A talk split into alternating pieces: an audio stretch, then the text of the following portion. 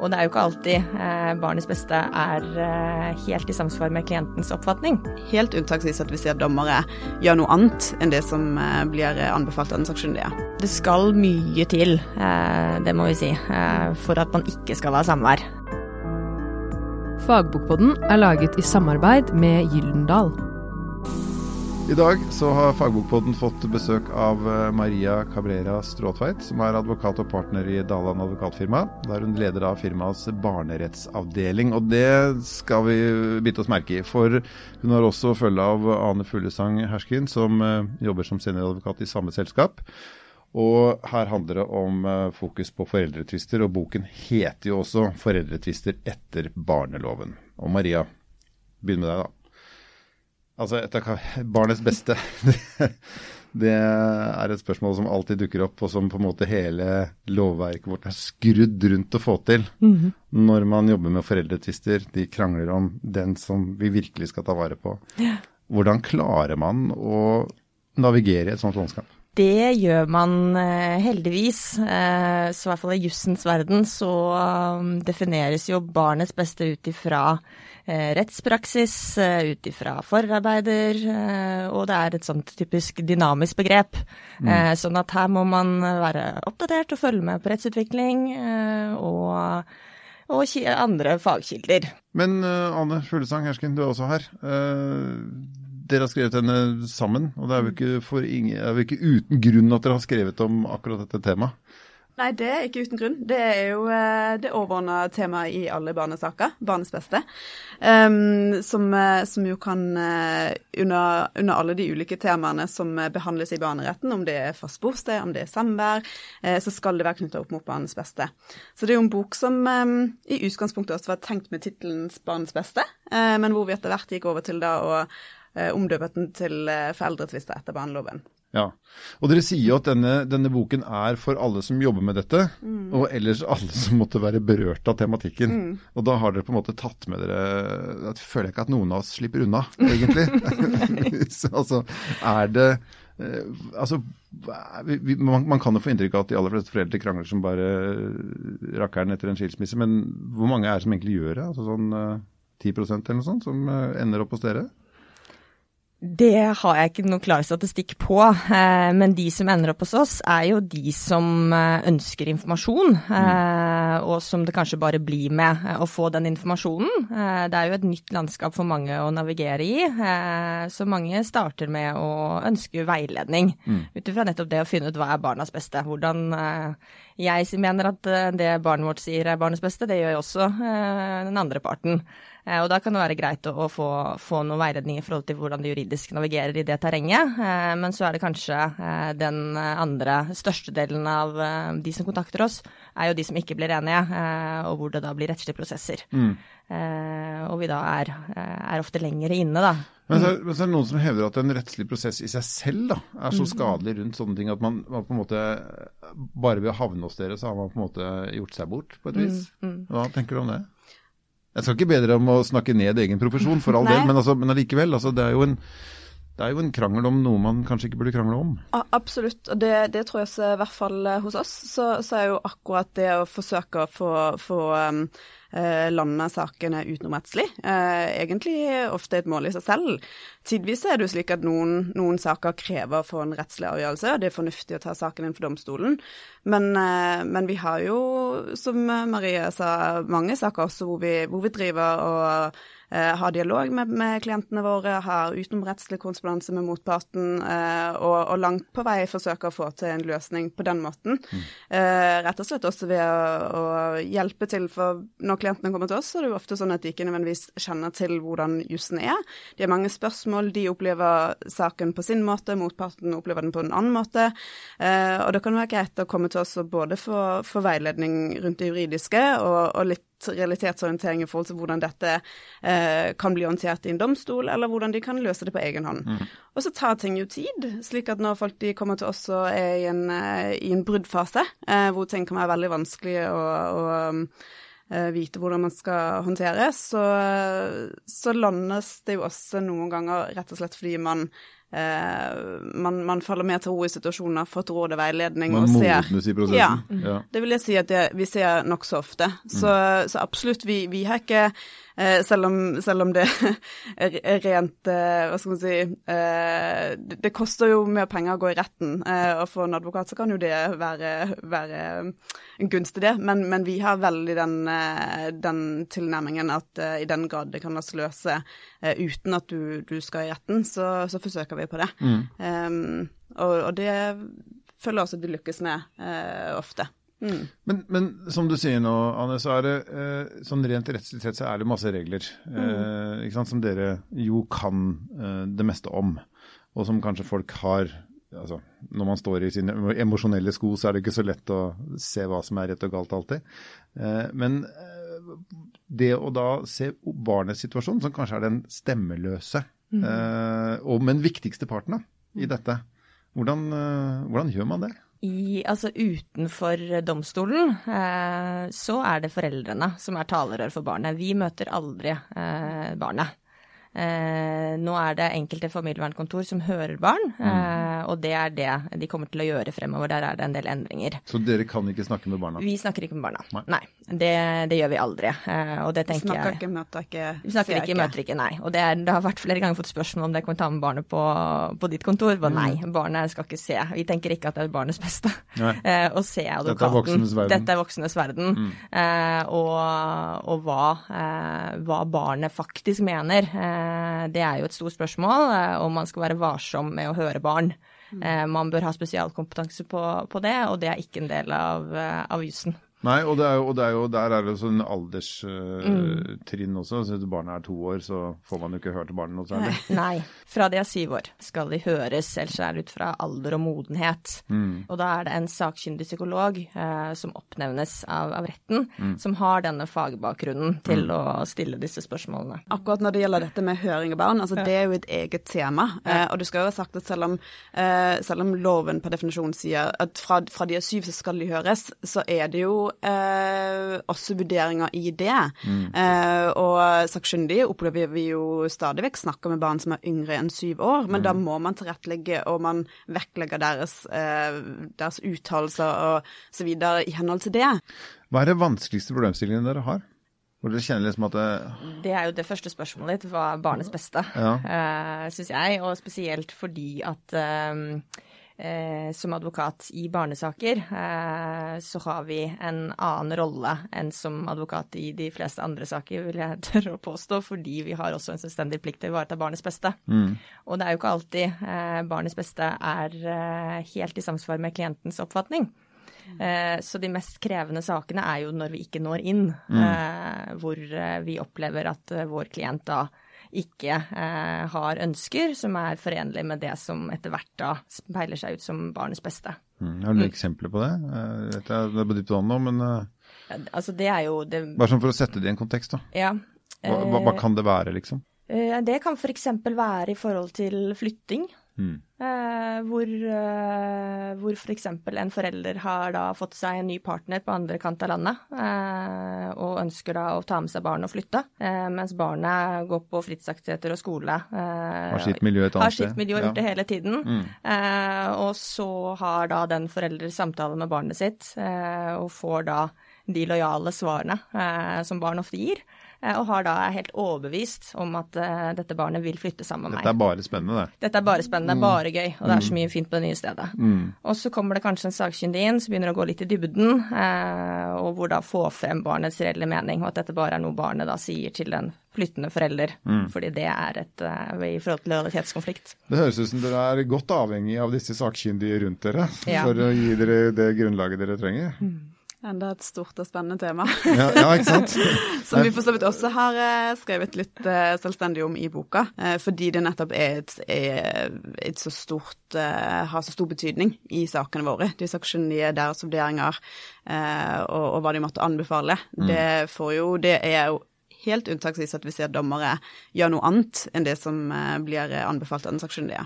Mm. Som jo kan være nokså problematisk i noen sammenhenger. Sakkyndige er mye godt arbeid der, men det er stor variasjon, og, de sakkyndige er forskjellige mennesker, tenker ulikt. Um, vi har uh, Ja, jeg, jeg, tenker at noen ganger så kunne sakene sett annerledes ut hvis du hadde hatt en annen sakkyndig. Um, på godt og vondt. Fordi det rett og slett er en menneskelig vurdering av noe. Den er ikke objektiv nødvendigvis. Nei, altså, en, en, en del av det Ja. er jo menneskelig. Ja. sånn, sånn er det jo, og de, de er mennesker på, på lik måte som, som, som advokater også. Vi kan vurdere ting ulikt og ha ulike, strategier um, og, og mene uh, forskjellig om de, de faktaene vi, vi ser på bordet.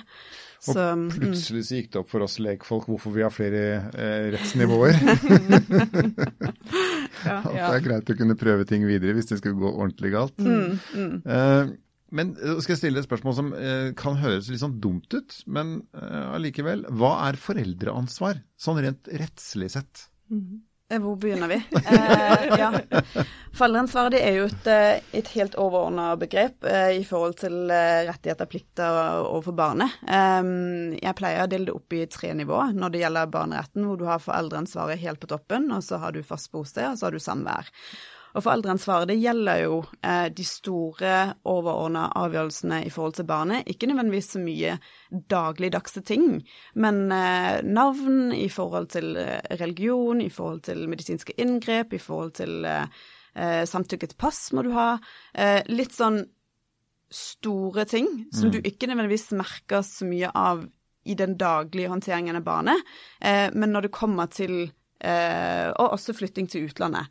Eh, når det kommer til de store tingene, så, så er foreldreansvaret eh, det som, som eh, eh, styrer det, og hvor partene eventuelt må samtykke eller være enige om. Det er da det store utgangspunktet, at alle foreldre eh, har felles foreldreansvar. foreldreansvar. Det har de aller, aller fleste eh, i fellesskap. Så det handler jo da om myndighet, eh, hvilke avgjørelser man kan være med å ta. Men litt, ja, litt, som, litt sånn samfunnsutviklingsmessig. Mm. da jeg var en liten gutt og mine foreldre skilte seg på midten av 70-tallet, det var ganske tidlig, første klassen, da, eh, nå gikk det bra, men, men da var det sånn at eh, hvis pappaen da flytta, men betalte barnebidraget, så var han på en måte ferdig med problemet. eh, I gåseøyne. Altså, da, hans foreldreansvar begrenser seg til å betale den summen per måned. Og det er jo ganske fattigslig i forhold til hva en forelder egentlig er for et barn. Helt klart. Og her har det jo skjedd veldig, veldig mye. Ikke sant? Ja, det har vært en enorm utvikling. Eh, Men det har nok vært en større utvikling, eh, hvis vi skal ramme det inn i det juridiske, da. Mm. Dette, nå er vi innenfor det andre begrepet som, som Ane nettopp var inne på, og det er fast bosted. Eh, og det gjelder nettopp det å ha innflytelsen i barnets hverdag. Eh, og det er vel kanskje der det har vært den største endringen, ved at det nå er mer og mer vanlig at man har fast bosted i fellesskap, altså delt fast bosted. Og det betyr jo at foreldrene er likestilte eh, og tar avgjørelsene da i fellesskap, også etter et samlivsbrudd. Og det var uvanlig eh, når dine foreldre skilte seg. Eh, og der har det jo vært en eh, enorm utvikling. Men da, for da kommer et, eh, hvis vi skal prøve å kikke litt eh, i krystallkulen, da, jeg vet at her finnes det jo ikke svar, men jeg bare synes det er litt spennende. Fordi eh, det å, Dere har allerede nevnt det å flytte til en annen kant av landet, ikke sant. Mm. altså det er på en måte en rett du har som voksent, fritt menneske i Norge. Og hvis du bor i Oslo og har lyst til å bo i Bergen, så gjør du det. Mm. men så setter du kanskje igjen et barn i Oslo. Eller motsatt. Eller ikke prøve å ta det med. Eller prøve å ta det med. Uh, ser dere at, man, at dette foreldreansvaret kan få inkorporert etter hvert en slags forpliktelse om å ikke forsvinne, verken med seg selv eller barnet? Hvis vi tenker at vi tar barnets beste enda litt lenger, da. Det er ikke barnets beste at far flytter til eh, 60 mil over fjellet. Det er ikke det. Er ikke det. Kan, vi, kan vi se for oss at vi sier til far at det får du ikke lov til, for du er forelder? Absolutt, det er jo det som gjerne skjer. Eh, Det er jo sånn at hvis man ønsker eh, å flytte, så må man varsle den andre forelderen eh, tre måneder på forveien. Mm. Og det er jo nettopp fordi at da skal den andre ha tid til å områ seg, og man skal ha anledning til å innhente hva som er barnets beste i det spørsmålet. Mm. Og hvis man da, da Ofte da så kommer det jo på spissen, og da blir det, og det er også da man kan få en rask midlertidig avgjørelse for retten. Eh, og den kan jo nettopp si det at nei, du kan ikke flytte. Eller det, det kan ikke den si. Den kan si at barnet kan ikke flytte, og så må du ta. Og det er det veldig mange som uh, For det er det jeg egentlig spør om. Ja. Kunne Ja. man gått rett på foreldrene? Altså, altså, nå, er vi i krystallkulen. Ja. Mm. Altså, Mm. Så får dere være med hvis dere vil. Hvis ikke, hvis ikke. For det kan dere ikke stå til ansvar for. Vi vet Ja. ikke. Men, men det ville jo vært for barnets beste å kunne si til denne pappaen at vet du hva, dette kan du ikke gjøre. Ja, men hun har barn i Bergen, skjønner du. Ja, Mm. nettopp. Hun kan ikke hun heller. Sorry. Ja, nei, det, det, det var du får spørsmål litt, som, som er jo på en måte enda mer på kanten mm. enn en, en, det som du beskriver som en typisk flyttesituasjon. Uh, men, men, men, det blir komplisert, ikke sant. For det er ikke alltid Og det er jo der barnets beste også er det har så mange sider ved seg. Det er derfor jeg spør. Eh, ja. og, og, det er ikke nødvendigvis gitt at det er barnets beste at pappaen blir boende i Bergen eller i Oslo. Ja. Eh, I noen tilfeller så er det kanskje en pappa som har eh, familie, han har en jobb, han har et eller annet et annet sted, mm. som gjør at han vil være en mer velfungerende far. Mm. Kanskje kan han legge til rette for besøk som han ikke klarer å håndtere når han bor der han bor nå. Um, så, så, det kan på en måte være mange elementer i hva som vil være barnets beste sånn i fremtiden. Mm. Hvordan um, Jeg syns det er vanskelig å se for meg at man pålegger en foreldre å ikke kunne uh, flytte på seg, uh, eller uh, stå mer til ansvar. Vi, vi, har jo heller ikke mulighet til å tvinge en foreldre til å ha samvær med barnet sitt. Nei, ikke sant? Ikke sant? Det, det, er jo på en måte ikke, ikke en del av barneretten. Du, du, kan Du har rett til å kunne, kunne kreve samvær hvis, hvis, det anses som barnets beste, men, men, du som den motsatte foreldre, som vi også opplever helt unntaksvis, men, men det mm. forekommer at det er en forelder som kommer til oss og sier at jeg, jeg har barnet mitt helt alene, jeg ønsker at det er en mor eller en far som kommer med på banen. Mm. Det får vi ikke gjort noe med Nei. per i dag. Jeg syns det er vanskelig å se for seg hvordan du skal tvinge en forelder til å være i kontakt med et barn uten at det er en motivasjon fra de sin side, for det er ikke heller nødvendigvis barnets beste å ha en sånn kontakt med en person som ikke ønsker det. Nei, men da kommer liksom inn i en sånn brutal rettighetskamp, da. Mm. Altså min mm. rett til å si at jeg vil ikke ha noe med min unge å gjøre, mm. den er så sterk at det barnet må se meg gå, mm. i, i, i, i, verste fall. Mm. Det er jo ganske tøff Altså, det er, det er jo tøffe, uh, hva skal jeg si, interessekamper, da, egentlig. Helt klart. Helt klart. Som man skal prøve å Mm, ordne opp i. Ja, mm, ikke sant? For enkeltmenneskets rettigheter er også enormt store. Ja, men der også er jo det er jo et nytt forslag til en ny barnelov eh, hvor barnets Eh, barnets involvering eh, i disse barnesaker eh, løftes frem, og, og hvor det da eh, tas til orde for at barnet bør få en større rolle, og også at barnet får, ofte får en egen advokat. Og det vil jo kunne bidra til eh, at man i sånne typer saker eh, bedre får frem barnets stemme, da, og ikke bare kanskje, for sånn som det er nå i dag, så, så, vil det på en måte være Du har ikke noen å anlegge en sak mot. Mm. Eh, men da blir det kanskje barnet som selv kan gå til en sak. Altså nå, nå ser jeg frem i mm. kulen. Mm. Ja, ja, ja. Eh, så, fordi at den ønsker et samvær. Mm. De aller fleste har jo det eh, litt sånn eh, innebygd i seg. Det, det, det er jo de, de, færreste tilfellene hvor noen flytter bort fra barnet eller ikke ønsker å ha kontakt. Mm. Men eh, ja. Det er mer at noen vil ha kontakt som ikke burde ha det, kanskje? Vanligste problemstillingen er at uh, foreldre vil ha mer kontakt med barnet sitt. Mm. Det er det foreldre ønsker å flytte, sånn som du sier, ja. at de vurderer det som, som, bedre at de flytter bort, og mm. du, du, da parallelt med det eh, ikke får muligheten til å opprettholde kontakten med den andre forelderen. Mm. Men dette med samvær har jo også noen ekstreme ytterpunkter. Da. Det er mm. altså fra fullt samvær 100% 24 timer i døgnet hele året til ingenting. Ja. Mm. Og, så det er jo Skjønner dere at folk liksom ser at det er et risikobilde her? At de kanskje kan være veldig veldig nervøse og engstelige i, i sånne saker som dere håndterer? Helt klart. På, på alle mulige måter. Altså, selv om du veit at du er en knalldårlig forelder, så kan du være full av kjærlighet? Ja, mm. det kan du. No, ja, det skal mye til, eh, det må vi si, eh, for at man ikke skal ha samvær. Eh, samværsretten står veldig, veldig sterkt eh, i Norge i dag. Mm. Eh, og også internasjonalt for øvrig. Eh, og, og det, men det er jo de ekstremtilfellene eh, hvor det da er grundig vurdert, eller skal være grundig vurdert at det ikke er til barnets beste med, med samvær. Men det er jo gjerne da når det er alvorlige forhold som rus, psykiatri, vold inn i bildet. Mm. Og til og med i de tilfellene så skal mm. det jo være sagt at det finnes jo, eh, det, det, finnes jo um, verktøy i barneloven som gjør at til og med da så får man mm. ofte til et samvær, men da under visse gitte betingelser som mm. om det er tester, rustester, eller om det er eh, tilsyn, eller om det Altså det, man kan også få til samvær og kontakt til tross for noen veldig vanskelige Eh, elementer ved, ved foreldreferdighetene. Mm. Men får har jo samvær med der den ene forelderen sitter i fengsel også, for eksempel. Altså, det er jo, mm. ja. Man får det jo til hvis man, hvis man vil noe. Mm. Men i forhold til spørsmålet ditt, altså, hvordan Jeg tenker det var viktig å ha respekt for oss som advokater, å og forstå hvor Fordi vi kommer jo inn i saker hvor eh, vi behandler eh, det som er aller, aller kjærest. Og mange opplever å bli sykemeldt i en sånn prosess. Mm. Det er veldig, veldig krevende å skulle være i en rettslig prosess eh, om barna dine, hvor du altså satt på spissen, da, eh, mister samvær. Det er de færreste som gjør, men, men for de føles det det er bare for mindre, for redusert kontakt med barna, eller å ikke vite hva som skjer fremover. Det, det, er, det blir så stort. Mm. Eh, og det må jo vi selvfølgelig som advokater ha forståelse for å være medmenneskelige på så godt vi, det lar seg gjøre. Det er jo eh, en sammensatt rolle vi har som advokater i disse sakene med både å være eh, tidvis litt psykolog, mm. mye advokat, og, prøve å forstå og realitetsorientere på en og, samme tid. Hva gjør det med huene på dere? Dere, sitter, dere får jo innblikk i noe. Dere er fungerende personer med familier og sånn selv. Mm. Eh, og tenker at ja, her sitter vi og her sitter de, og mm. vi er de vi er. Altså, hvordan påvirker det personlig?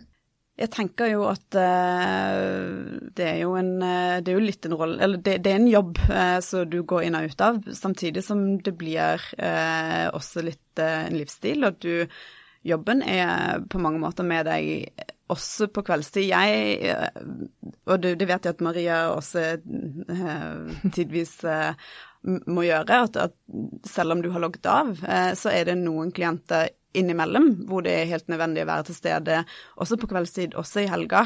Eh, men at vi selvfølgelig forsøker også eh, ha den eh, Altså legge, legge, jobben fra oss når vi går for, fra kontoret. Eh, så er vi inne i et fagfelt hvor jeg tror vi bare må akseptere at det er litt uh, en del av, av, pakken. Det er ikke en eh, maskin som stopper klokka fire? Nei, eh, nei. det er ikke det. Og så må man selvfølgelig gjøre en, en vurdering på hvilke saker, hvor, hvor, mye du kan gi deg selv, og hvilke saker det er du, du, faktisk må være til stede på, og hvilke det er du må si vi venter til mandag.